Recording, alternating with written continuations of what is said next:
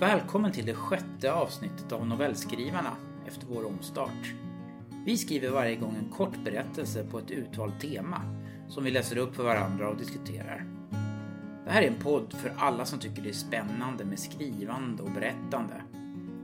I det här avsnittet är det Annie som har temat och det är en av de sju dödssynderna som står i fokus, nämligen avund. Följ med in i en besatt hjärna, en komplicerad brödrarelation och ett laddat kafébesök. Då är vi tillbaka! Den härliga novellskrivarpodden. Kul att se er! Annie, Ja, hur hej. känns det? Jo men det känns bra. Ja. Jag var ju förväntansfull. Jag tyckte att vi hade så bra avsnitt förra gången så att jag känner mig pepp även inför idag. Jörgen är här också. Ja, Allt bra med dig? ja. Ska vi prata väder? Det har vi gjort förut. Nu är det Ja. ett helt annat väder. Ja, Det nu- har varit snö två gånger. Nu är det mer än vår skulle jag vilja säga. men så- Absolut. Men bara se sig omkring så ser man att våren är här och snart kommer sommaren. Så underbart. Dagens tema avund. Jag känner där en liten, eh, en liten koppling till temat när man är, är ute och man får lite sådär en känsla över vad, vad, vad snyggt de andra har i sina trädgårdar. Ja, just Oj, det. var snygga utemöbler. Mm. Vilken, vilken rabatt jag ser där borta. Men det ska man inte tänka på utan bara man eh, klipper gräset lite lagom ofta. Inte för ofta ska man inte klippa gräs. Det är giftigt med avund. Alltså. Det- är en, en dödssynd som ligger väldigt mycket i tiden tyvärr. Ja. Och som parat ihop med sociala medier så blir det ingen eh, bra cocktail. Nej, precis. Aj, aj, aj. Annie, du ska få berätta lite mer om temat. Mm. Avund, det är du som har valt det. Ja, just det. Ja, jag tyckte att det var lite spännande. Dels blev jag lite insnöad i de här då sju dödssynderna. Och började titta liksom i en lista som jag fick fram när jag sökte på nätet. Och jag hade väl dem kanske i, i bakhuvudet någonstans också. Men jag ville bara kontrollera att jag hade rätt. Och sen så tänkte jag så här, ja men vi får välja. Och sen bara, nej jag väljer ut ett. Och avund är ju precis som Jörgen säger, det finns så många ingångar i det. Man kan koppla till så många olika företeelser i, i våran omvärld och hos sig själv. Och lite kanske det här att kunna utmana oss som skriver att ta fram personlighetsdrag hos människor som inte bara är positiva. Och jag glad i hågen tänkte att det här skulle bli lätt, men det blev inte så enkelt. Vi får väl höra sen när jag ska läsa min text att jag Ja, kanske inte riktigt nådde liksom, den där riktigt vidriga personligheten som jag faktiskt såg framför mig när jag eh, valde temat. Men det ska bli spännande att höra era texter. Ja, men vi sa som så att eh, det är jag som börjar Mm. läsa min text. Och jag vill faktiskt börja med en liten så här viktig sak att eh, det kan vara så att man känner igen några personer i min text. Eh, jag vill bara säga det väldigt tydligt att jag gillar de här personerna. Mm. Jag skulle gärna vilja ha dem som, som grannar. Ja. Och att de har en snygg rabatt.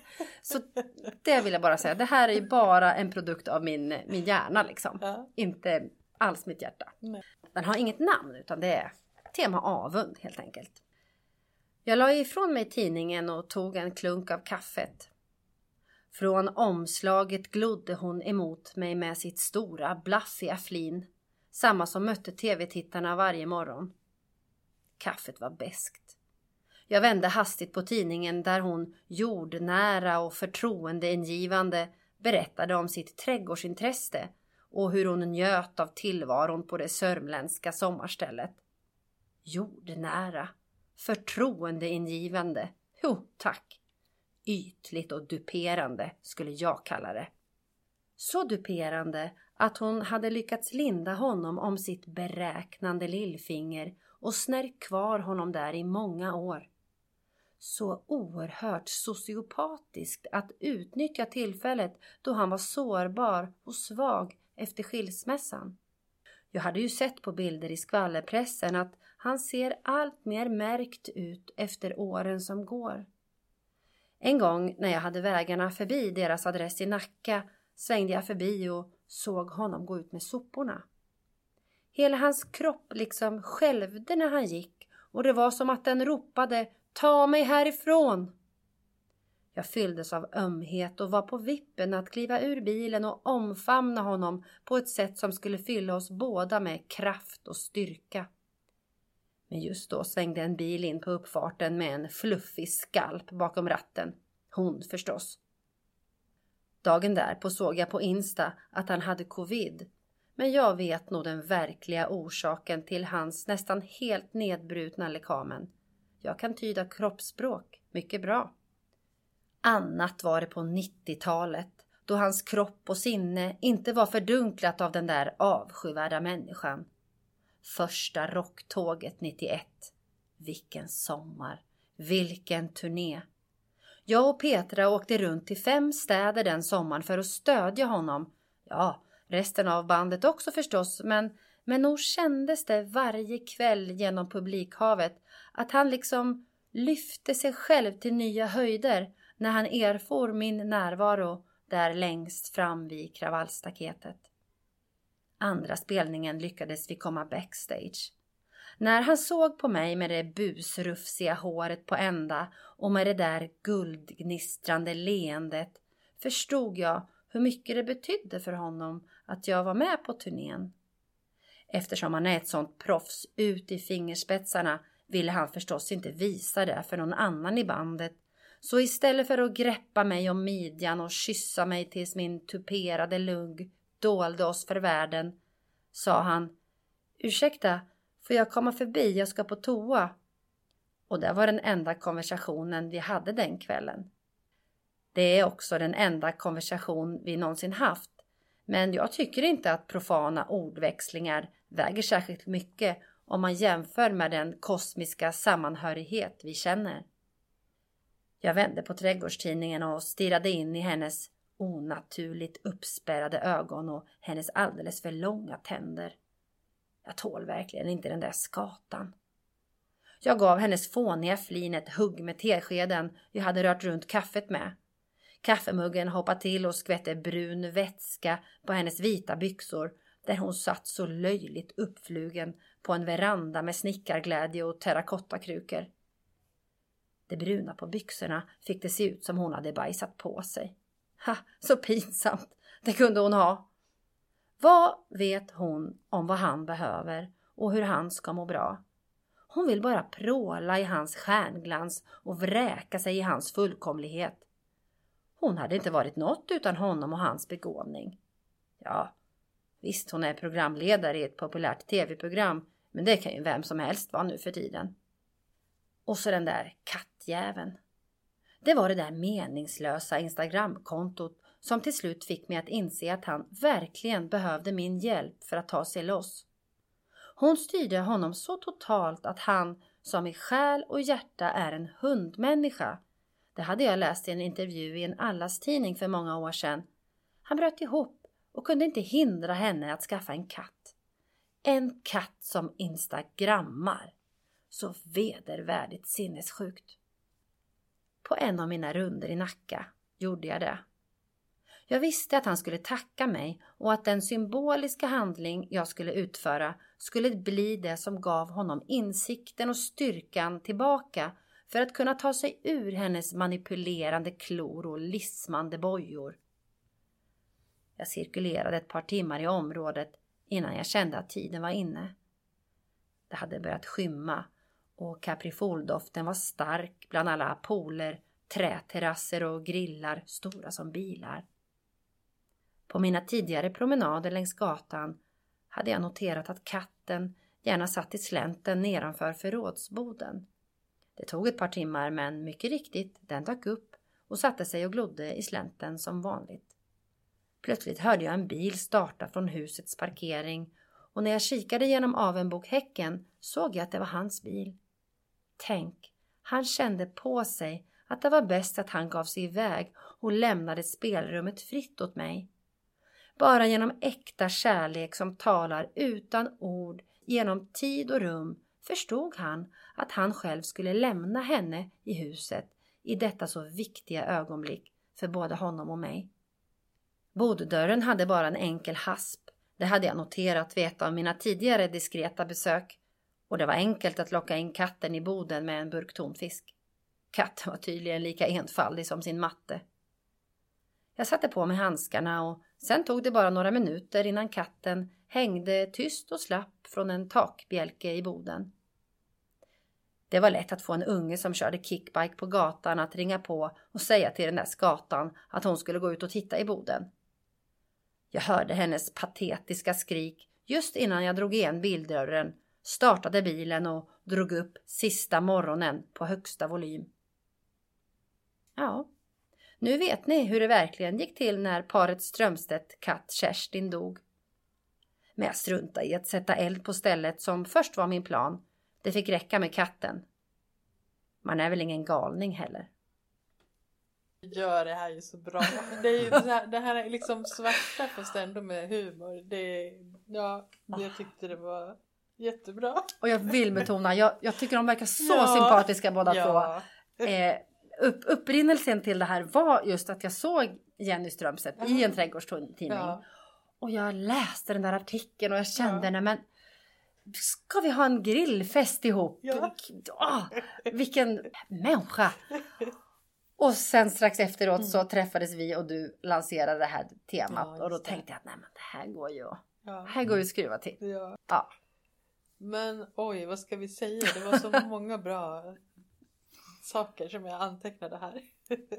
Referenser tänkte jag var så bra. Du fick liksom till det direkt. Första meningarna satte du ton kring, alltså vad kommer det här att leda någonstans? Jag tyckte liksom tilltalet, eller vad jag ska säga det, var så, ja. Jag När hon satt det. och tittade i tidningen ja, där precis. redan. Alltså, ja. Det var bara direkt förstod man att det var en avundsjuk person. Alltså, ja, det kunde ju vara vem som helst som Mm. beskrev så händelsen eller situationen hade kunnat vara en helt annan men utifrån det Ja, kanske också ditt röstläge när du Mm. läser men, men ja, jag tyckte det, det, det blev så tydligt direkt. Vi fattade liksom ganska på en gång var vi befann oss och det tyckte jag var Mm. skickligt gjort. Jag tycker alltid det är spännande med såna här opolitliga berättare. Det är jag person. Ja men det är här. jag. Ja, jag, tyckte, jag valde lite där. Mm. Nej men det blir, då blir det ju alltid lite så här oh, extra ruggigt Ja. när det är jaget som är, Ja. är sjukt. Ja. Ja, för man är ändå inne i den där hjärnan liksom. Ja. Man blir tvungen att, att vara med på färden. Det är nästan så här lite så här medbrottsling-känsla Ja. som läsare ibland. Ja, när man färdas med sådana Ja. huvudpersoner. Man vill, man vill bryta in och stoppa kanske ibland. Ja. Men också som sagt det här liksom att ja men när de kommer till kvarteret eller först kanske när du beskriver den här personen då på bilden som, som den här, det här jaget betraktar eh, med terrakottakrukor och snickarglädje och terrakottakrukor. Det var liksom så ja, spot on. Då förstår man direkt vad det är för typ av reportage som det här jaget sitter och läser. Ja, och är så mysig och härlig Mm. och, och klart man normala människor gillar en sån person. Mm. Men, men det kan ju också sticka i ögonen Ja, för mycket. ja. Sen finns det ju sådana personer verkligen som blir så besatta av, av kändisar så att de går över alla gränser. Mm. Så det fanns ju någonting otäckt här också. ja. Eller just hur de resonerar med sig själva så är det helt eh, tappat verklighetsförankringen. Mm. Man kommer gå backstage en gång och tror att han överhuvudtaget ser henne eller bryr sig liksom. Och hans enda tilltal var att han ville förbi för han skulle gå till toaletten. Ja, och hon liksom, åh det där snappade den här personen upp Ja. och såg det som något Ja. som... Ja, som att hon var en del av turnén. Så att hon skulle vara med. Ja. ja. Ja, skruvade verkligheter liksom. Som existerar på allvar för vissa. Och då brukar de gå över gränsen till slut.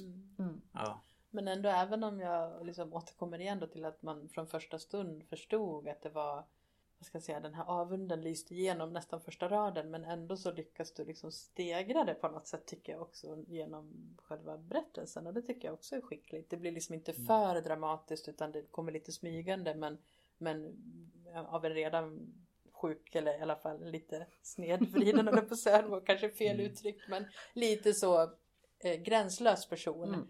Så, så lyckas du liksom ändå trappa upp det. Ja. Eh, Så, Mm. och det tyckte jag också var man fick reda på liksom efterhand så här, ja men hon hade ju cirkulerat där på den, deras gata rätt många gånger Ja. Mm. tidigare. Liksom. Hon, just det. ja, hade koll på vilken bil han hade Ja. och sådär. Och ändå väldigt kallt och när, när liksom det här med katten händer och hon ger den här tonfisken så, så är det väldigt känslokallt att ja Mm. men snart var det en livlös kropp och, och det hade ju kunnat beskrivas på så många sätt men, men det blev ju väldigt effektivt att, att det blev så kallt eller så känslokallt från den här personen som berättar. Nej men jag har inte följt den här katten Kerstin själv då Nej. och Instagramkontot men det var väldigt populärt tydligen. Jaha. Men sen har ju Kerstin som är ju en katt som har funnits på riktigt. Men hon blev ju gammal sen och dog då. Jaha. Ja, ja, det fanns ingen verklighetsförankring där. På riktigt så, så dog Ja, katten ja, jag av, menar, av men- ålder. Ja. Men den dog av ålder, inte ja men precis. Nej det var själva som det... fan. Ja. Nej, Ja. nej precis. Ja, nej, det var kul. Det var jättekul att skriva den. Det var roligt. Ja. Det är ju roligt att skriva lite halvskruvade saker. Ja. Ja. ja, det är ju roligt att läsa sådana också tycker jag. Ja. Är Jörgen redo? Har du klarat strupen? Ja, jag tror det. Ja.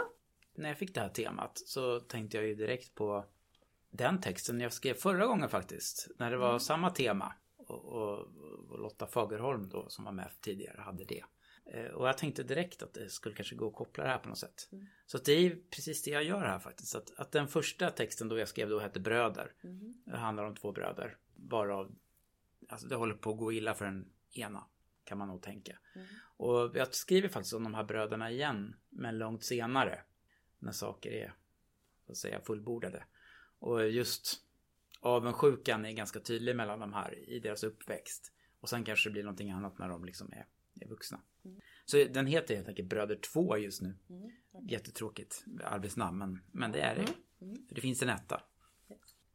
Det är vår, skymning, pollenallergi, kliande ögon och rinnande näsa, tröttheten som att gå i en dimma. Men också allt det vackra. Koltrastarna sjunger sina fantastiska melodier i träden och vitsipporna som äntligen har slagit ut överallt. Det är den där dagen i maj igen, när jag sakta vandrar gången fram mot din grav. På din sten står de där fruktansvärda årtalen. Född den 17 augusti 1978. Död den 4 maj 2005. Så mycket liv som ryms mellan de åren. Så mycket liv som aldrig blev. Du och jag, vi har alltid varit avundsjuka på varandra. När vi växte upp skulle vi tävla i allt. Du var bättre på sport och musik. Jag var bättre på att plugga. Ibland slogs vi så att någon började blöda näsblod. Och brorsan, det är helt sjukt. Men ibland är jag avundsjuk på dig för att du är död. Att du slipper känna. Att du slipper gå upp varje morgon och göra i stort sett samma saker. Samma jävla yoghurt till frukost. Samma tunnelbana till jobbet. Samma meningslösa samtal med kollegorna på fikarasten. Och sen hem. Tjata på barnen att lägga bort mobilen. Göra mat. Se hur barnen kastar i sig för att kunna återvända till sina digitala världar. Och sedan, när Elisabeth kommer, alla de där förhoppningarna som grusas. Den ömma klappen på kinden. Den inliga kyssen som aldrig kom. För att någon måste börja och båda är för stolta. Men tjafset som hade väldigt lätt att komma. Det gamla vanliga tjafset om skitsaker. En gång lovade vi varandra att aldrig somna som ovänner. Nu gör vi det ofta. Jag vet att jag är bortskämd brorsan. Att du önskade dig allt det där. Längtade dig galen efter det. Efter det normala.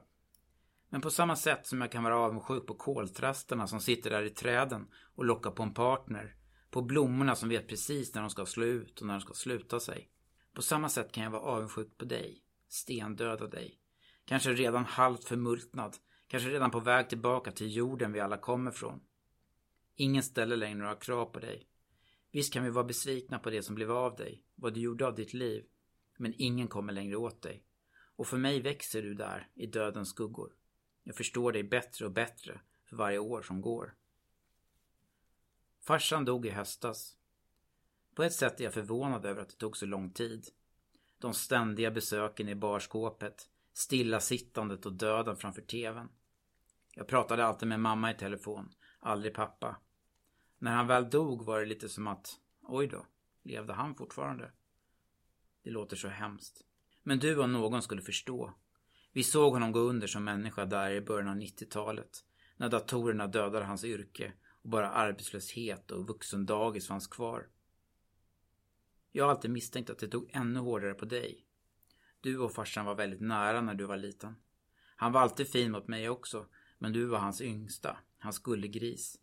Jag hatade dig för det förstås. Farsan förstod sig inte på vuxenlivet, men han förstod sig på mindre barn. Lite som du blev också. Och när du dog, det var som den sista spiken i kistan också för farsan. Han var en sorts levande död de sista åren. Han pratade sällan om dig. Men du fanns alltid där. Som något svart i hans blick som aldrig gick att blinka bort. Alicia skulle också älskat dig. Hon är sex nu, vår lilla sladdis. Du var alltid så barnslig och barnen kunde inte få nog av det. Sigge pratade ofta om dig, när du skulle komma igen. Också efter det att vi vuxna visste att du aldrig någonsin skulle komma igen. Fan, han är 17 nu, det är helt sjukt. Själv har jag liksom varit lite av en gubbe hela livet.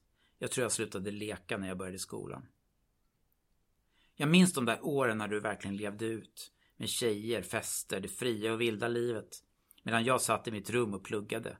Ensam och glömd, inte mobbad men utanför. Åh, vad jag längtade efter att vara du då. Då var vi ljusår ifrån varandra. När du spelade på din gitarr om kvällarna. När du trodde alla sov. Du la in så mycket av dig själv i de där ackorden och melodierna. Du sjöng tyst, men jag kunde urskilja din röst.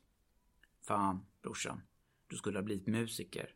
Värsta rockstjärnan. Du hade utstrålningen. Du hade talangen. Du hade tyvärr också sårbarheten. Det där hudlösa som för dig måste dövas med droger. Tyngre och tyngre droger. Tills det en dag inte fanns någon väg tillbaka. Vi känner nog alla dragningar mot drömmarna. Kanske att förverkliga oss själva inom musiken, litteraturen, näringslivet eller något helt annat. Vi ska visa världen vilka vi är, vad som ryms i oss. För vissa, som dig, är drömmen starkare än hos andra, som mig. Men för de ytterst få som verkligen når sina drömmar går det så många som inte når någonstans alls och lär sig leva med det. Eller går under, som du. Tänk att just det jag var så avundsjuk på, djupet och poesin i dig, kanske var det som gjorde att du inte längre finns. Och bristen på det kanske räddade mig. Jag kommer alltid minnas hur vi låg där på klippan. I skogen bakom mamma och pappas hus. Jag tror jag verkligen förstod det då, för första gången i livet. Och mig själv. Att jag faktiskt älskade dig och att du faktiskt var på väg bort. Att det var ditt val och att det inte fanns något jag kunde göra åt det. Du hade gått över ännu en gräns. Du hade knarkat på deras toalett och jag var ursinne på dig först. Men där, på den kalla klippan, med stjärnorna och med dig, så förstod jag nog något om livet. Sen kom morsan och stunden var bruten. Vi gick sakta tillbaka till huset. Du skakade av kylan, hade sprungit ut i bara strumporna. Farsan hade gått och lagt sig och jag hatade honom för det. Men senare har jag tänkt att han förstod vad som höll på att hända och att han helt enkelt inte orkade se det. Morsan och jag fick dig i säng. Vi satt där tills du somnade. Morsan höll din hand. Kanske det sorgligaste och vackraste ögonblicket i mitt liv. Vi kände nog, både morsan och jag, att det här inte skulle sluta bra. Och vi ville vara där med dig, nära dig, en liten stund till. Jag strök dig över håret innan jag gick och la mig och tänkte att det var första gången jag någonsin gjorde något ömsint mot dig. Du skulle leva ganska många år efter det där. Vi kom aldrig så nära igen. Men det fanns ett annat band mellan oss efter det. Det var mig du ringde när ångesten härjade dig som värst. När du för tusende gången försökte bli ren. Jag tror jag var den sista människa du pratade med innan du några timmar senare somnade in på den där toaletten. Du grät och sa förlåt och sa att jag var en mycket bättre människa än du. Att du bara var ett kräk. Sen la du på, utan att jag fick chans att svara. En sak vet jag säkert. Jag har aldrig varit en bättre människa än du. Önskar att jag hade fått säga det. För det fanns en tid när jag verkligen försökte få det att se så ut. Brorsan, det här livet, jag vet inte. Ibland tror jag att du hade rätt. Det är bara att knarka bort fanskapet. Men så finns det ögonblick. Som när min lilla dotter efter en kväll av bråk somnar med min arm hårt om sin. Trygg i vetskapen om att vi kan bråka hur mycket som helst. Men vi vaknar på morgonen och älskar varandra lika mycket ändå. När jag och Elisabeth tittar tillbaka till varandra efter veckor på villovägar. Eller när jag pratar med morsan om dig och pappa och vi minns det fina mer. Att ni ändå har satt spår i oss som vi gärna vill vårda och aldrig skulle vilja vara utan. Jag förstod liksom aldrig hur mycket du betydde för mig och vilket svart hål som skulle finnas kvar när du var borta. Men våren är här igen efter en tuff vinter. Det känns som att höstarna och vintrarna blir allt svårare. Jag börjar gå tillbaka längs gången. Du känns så nära just nu, som du gör varje fjärde maj. Men för varje steg bort är det som att du blir suddigare. Jag vet ju att jag går tillbaka till vardagen och ekorrhjulet. Livet med alla sina up and downs. Jag kommer inte tänka så mycket på dig. Och nu inte heller på farsan. Jag kommer kasta mig ut i mitt liv igen Och jag vet, trots allt, att jag alla gånger hellre väljer livet än den väg du valde. Det är inte så lätt att börja prata Nej. direkt efter en sån här text. Skrev upp där några ord som du sa precis här i slutet som sätter väldigt finger på vad det, vad det handlar om. Inte bara för de här personerna i berättelsen utan för, för oss alla. Kasta mig ut i mitt liv. Jag tyckte att det var väldigt Mm. bra formulerat. Det är ju som en stor berättelse eller ett stort perspektiv. Det är som hela livet på något sätt. Mm. Eh, både tillbakablick och, och nutid skymtar man ju också där. Så du, jag tycker du har fått, det ryms väldigt mycket i, i den här texten. Vilket är väldigt fint. Och som kändes som att just för det temat, eller jag ska säga det som, som finns i texten, innehållet, så, så krävdes det på något sätt så. Mm. Eh, Så det tyckte du gjorde jättebra.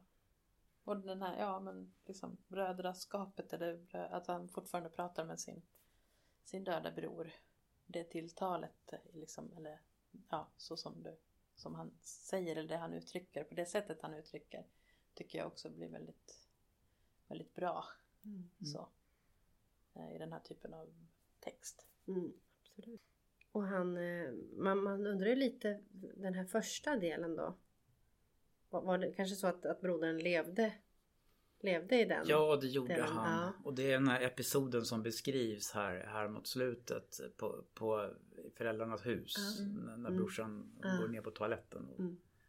tar något där. Mm. Och han blir vansinnig, Mm. den här äldre, äldre brodern. Mm. Och sen springer han ut i natten där liksom. Mm. Det är bara strumplästen. Och, och äldrebrodern följer efter för att skälla ut honom. Mm. Men så blir det någonting helt annat liksom. Mm. De ligger och tittar på stjärnorna och eh, kommer nära istället. Mm. Och du skrev också där att den här brodern som berättar då, han, han eh, ville se ut eller verka som en bättre människa ibland Mm. än sin, sin bror då, när, som hade de här drogproblemen och så. Och de hade inte så, de hade ju ingen, ingen vidare dialog liksom. Och man undrar lite vad, vad har den där, varför har de inte så bra kommunikation? Vad är det någon, de vill tävla lite med varandra, de var bra på olika saker. Någon var bra på musik, den här brodern som dog. Mm. Vad, vad, hur, hur, hur grundläggs något sånt i en familj? Mm. Mm. Får börjar jag fundera lite över. Hur kan sånt uppstå bara för att det är så olika personer? Eller är det eh, miljön, arvet, miljön? Mm. Vad är det som gör att det kan? Ja, det Kan bli så. Mm. Det är nog några sådana scener i den första berättelsen också. När, att han är lite av, av familjen Svartas får då, yngre brodern. Mm. Men att den äldre brodern verkligen spelar ut det. Eller gör det Mm. ännu mer. Mm. Mm. Är det bara de som är syskon eller finns det fler syskon? Nej, Nej. det är bara de. Mm. Den är ju inte, den är ju inte självbiografisk den här. Men jag har ju en, en yngre bror. Så att jag tror att den ändå är, Mm. ligger ganska nära sådär. Fast han har ju inte hållit på. Nej. Nej. Nej men jag tänkte på det här liksom berättelser och texter och litteratur. Vad det på något sätt gör med den som är mottagare.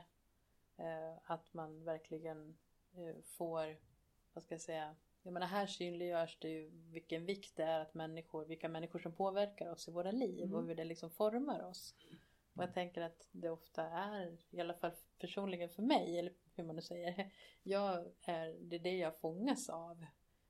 Livsöden eller när jag kommer någon väldigt nära in på livet. Och det gör man ju sällan med, liksom med levande människor utan det är ju via texten. När man Mm. verkligen liksom kommer in i den här personens huvud som pratar med sin döda bror och tänker tillbaka. Man kan ju beskriva det med ord i ett samtal i, liksom, i Mm. verkliga livet men det blir oftast inte ändå så nära. Mm. Mm. Men här blir det på något sätt, ja, man kommer liksom ytterligare lite nära. Jag tycker Mm. det, ja, för mig är det mycket av det som jag tycker är fascinerande och viktigt med litteratur. Mm. Mm. Verkligen, Ja, håller jag med om.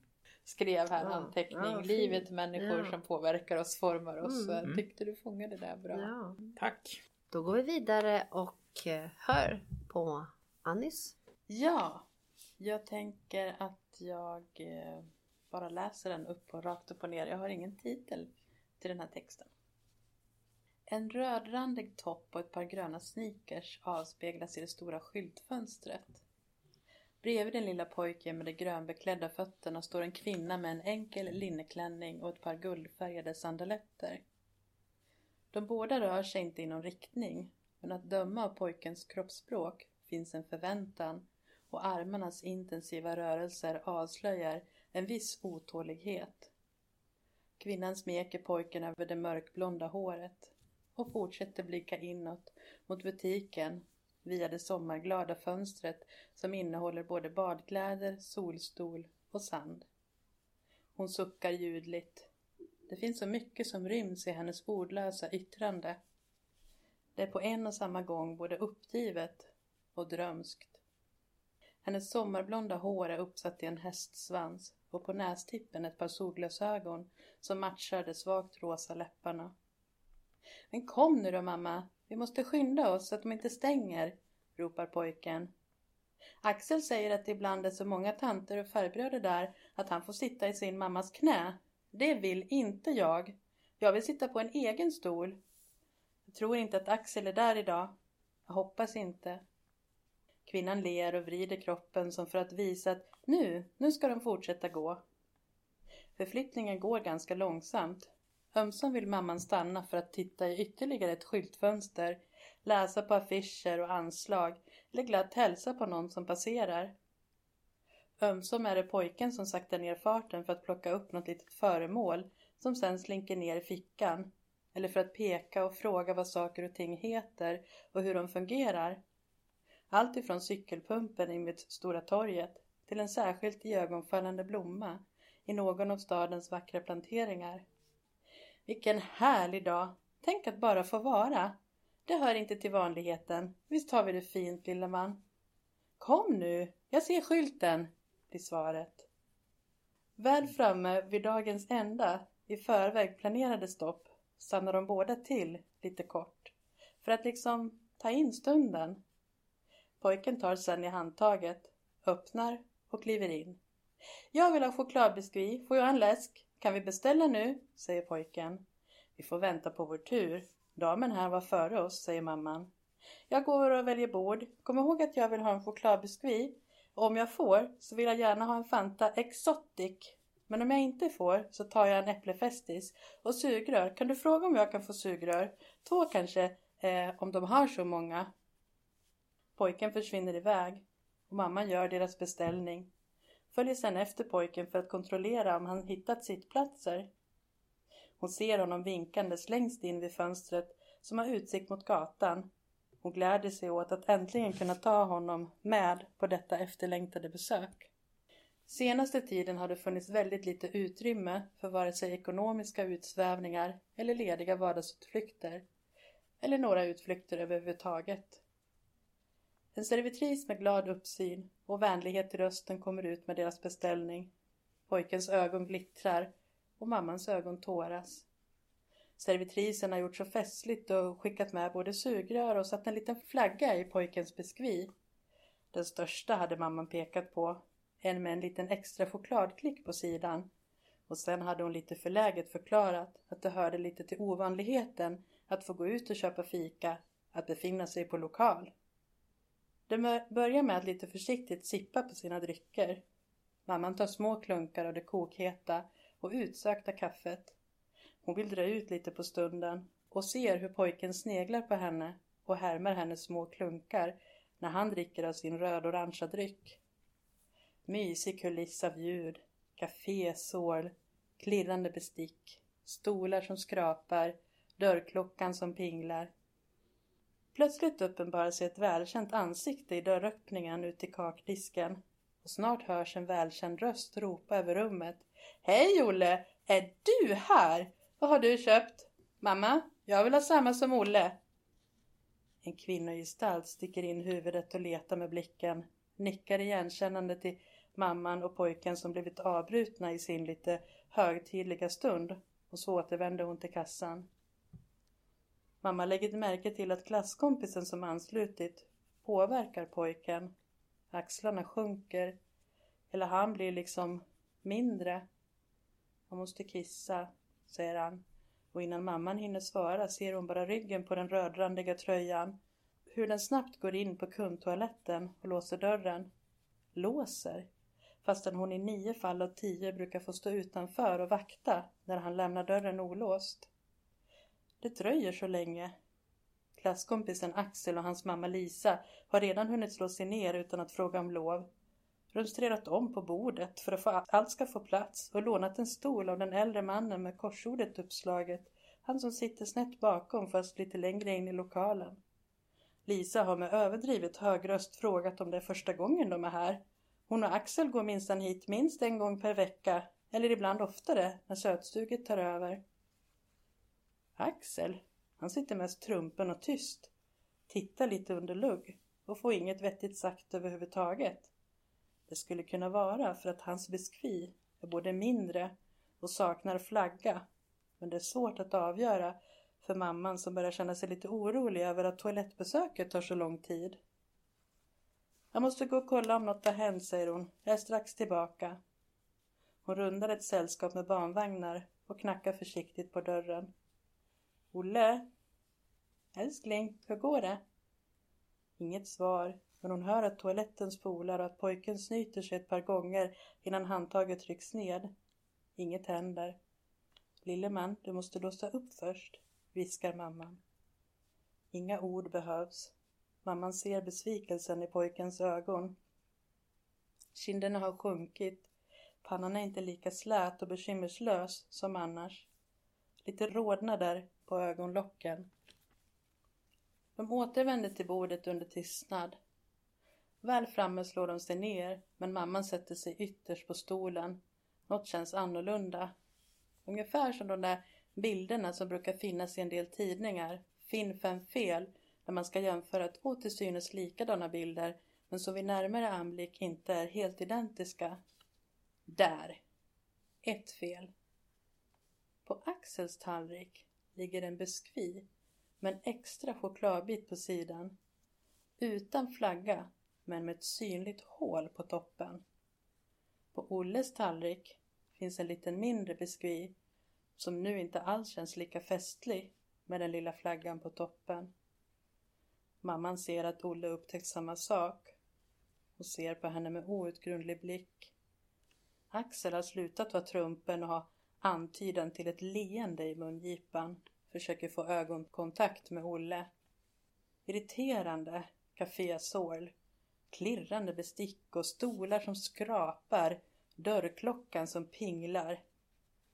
Mamman tar lite sats men ångrar sig.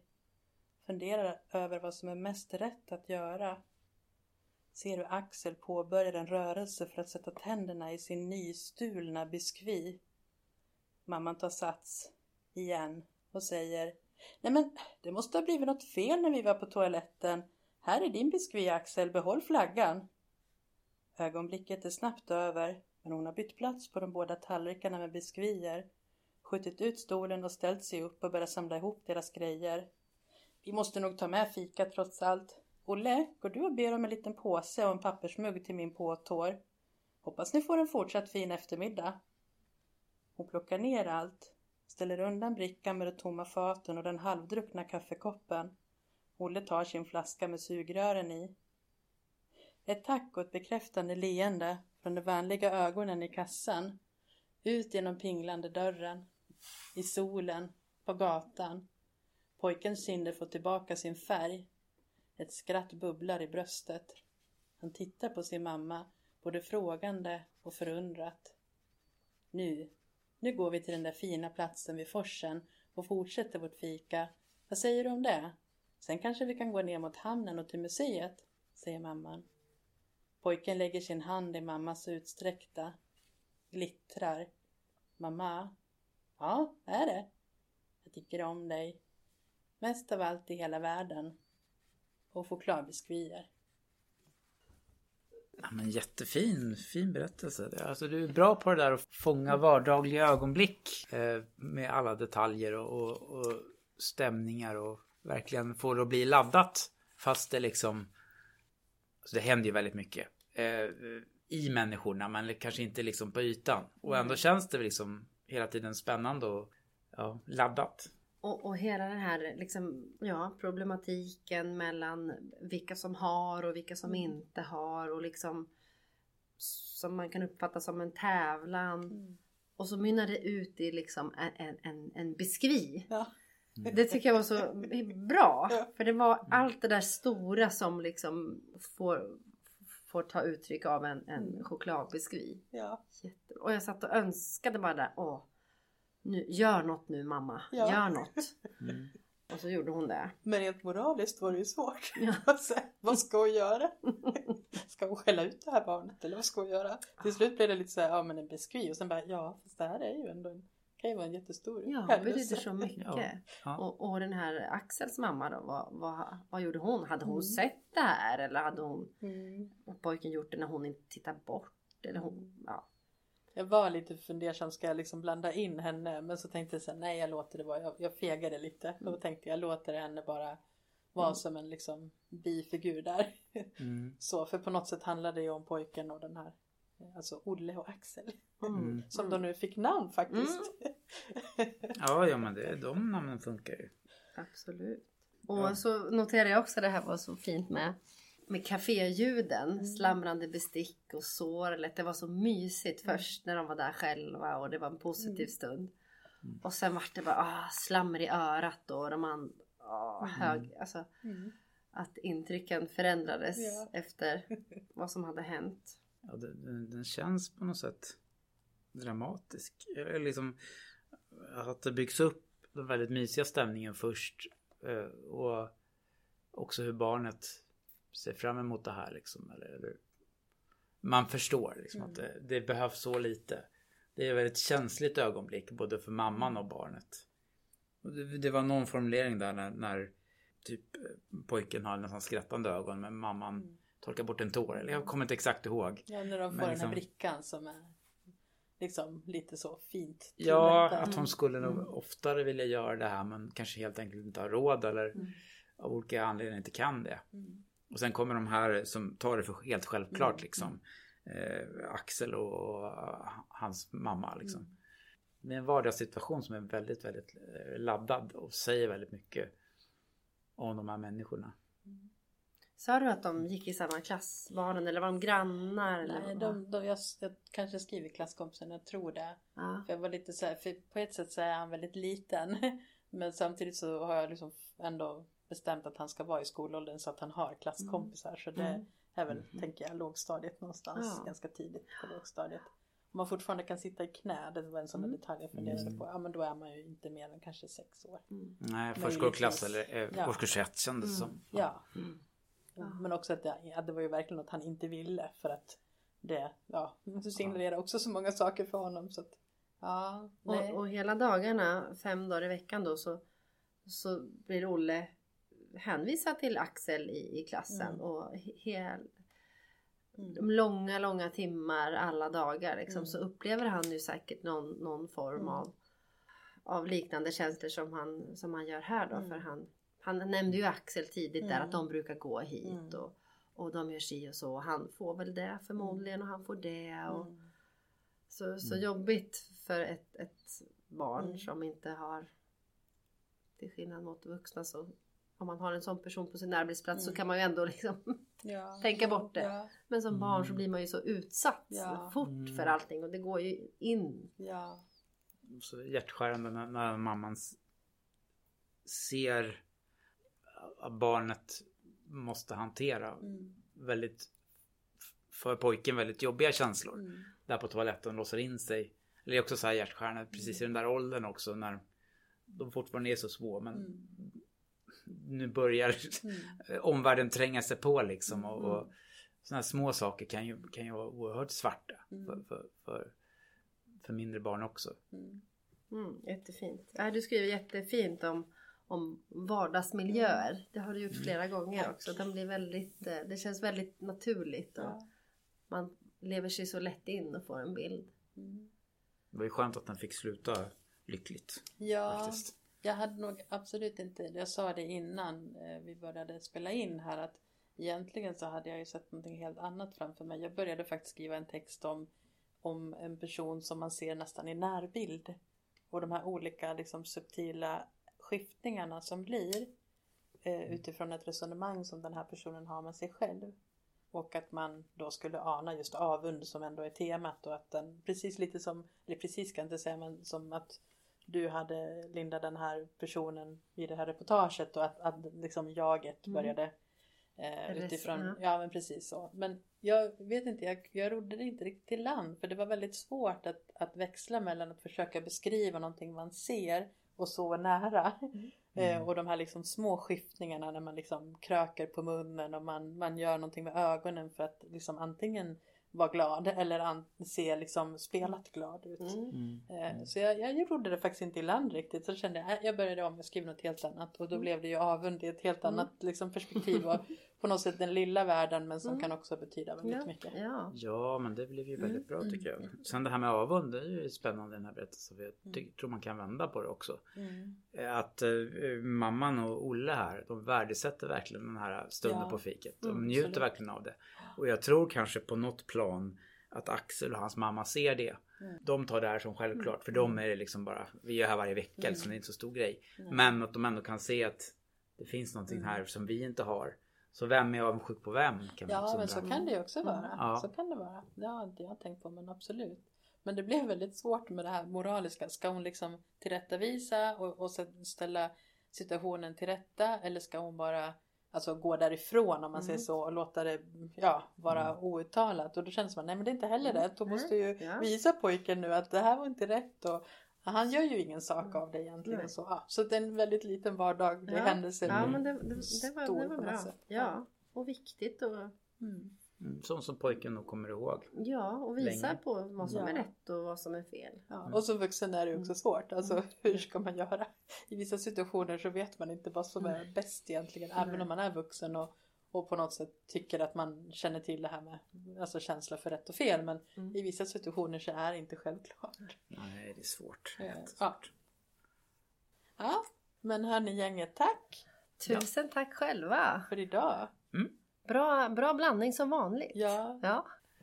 Och um, nästa tema är det ju jag som har då. mm. ja. Och jag tänker göra det lite enkelt för mig här. Gillar ju juni, eh, framförallt på grund av, eller tack vare, eh, sommarkvällarna som aldrig tar slut liksom. Så temat får helt enkelt vara sommarkväll. Så får man göra vad man vill av det. Mm.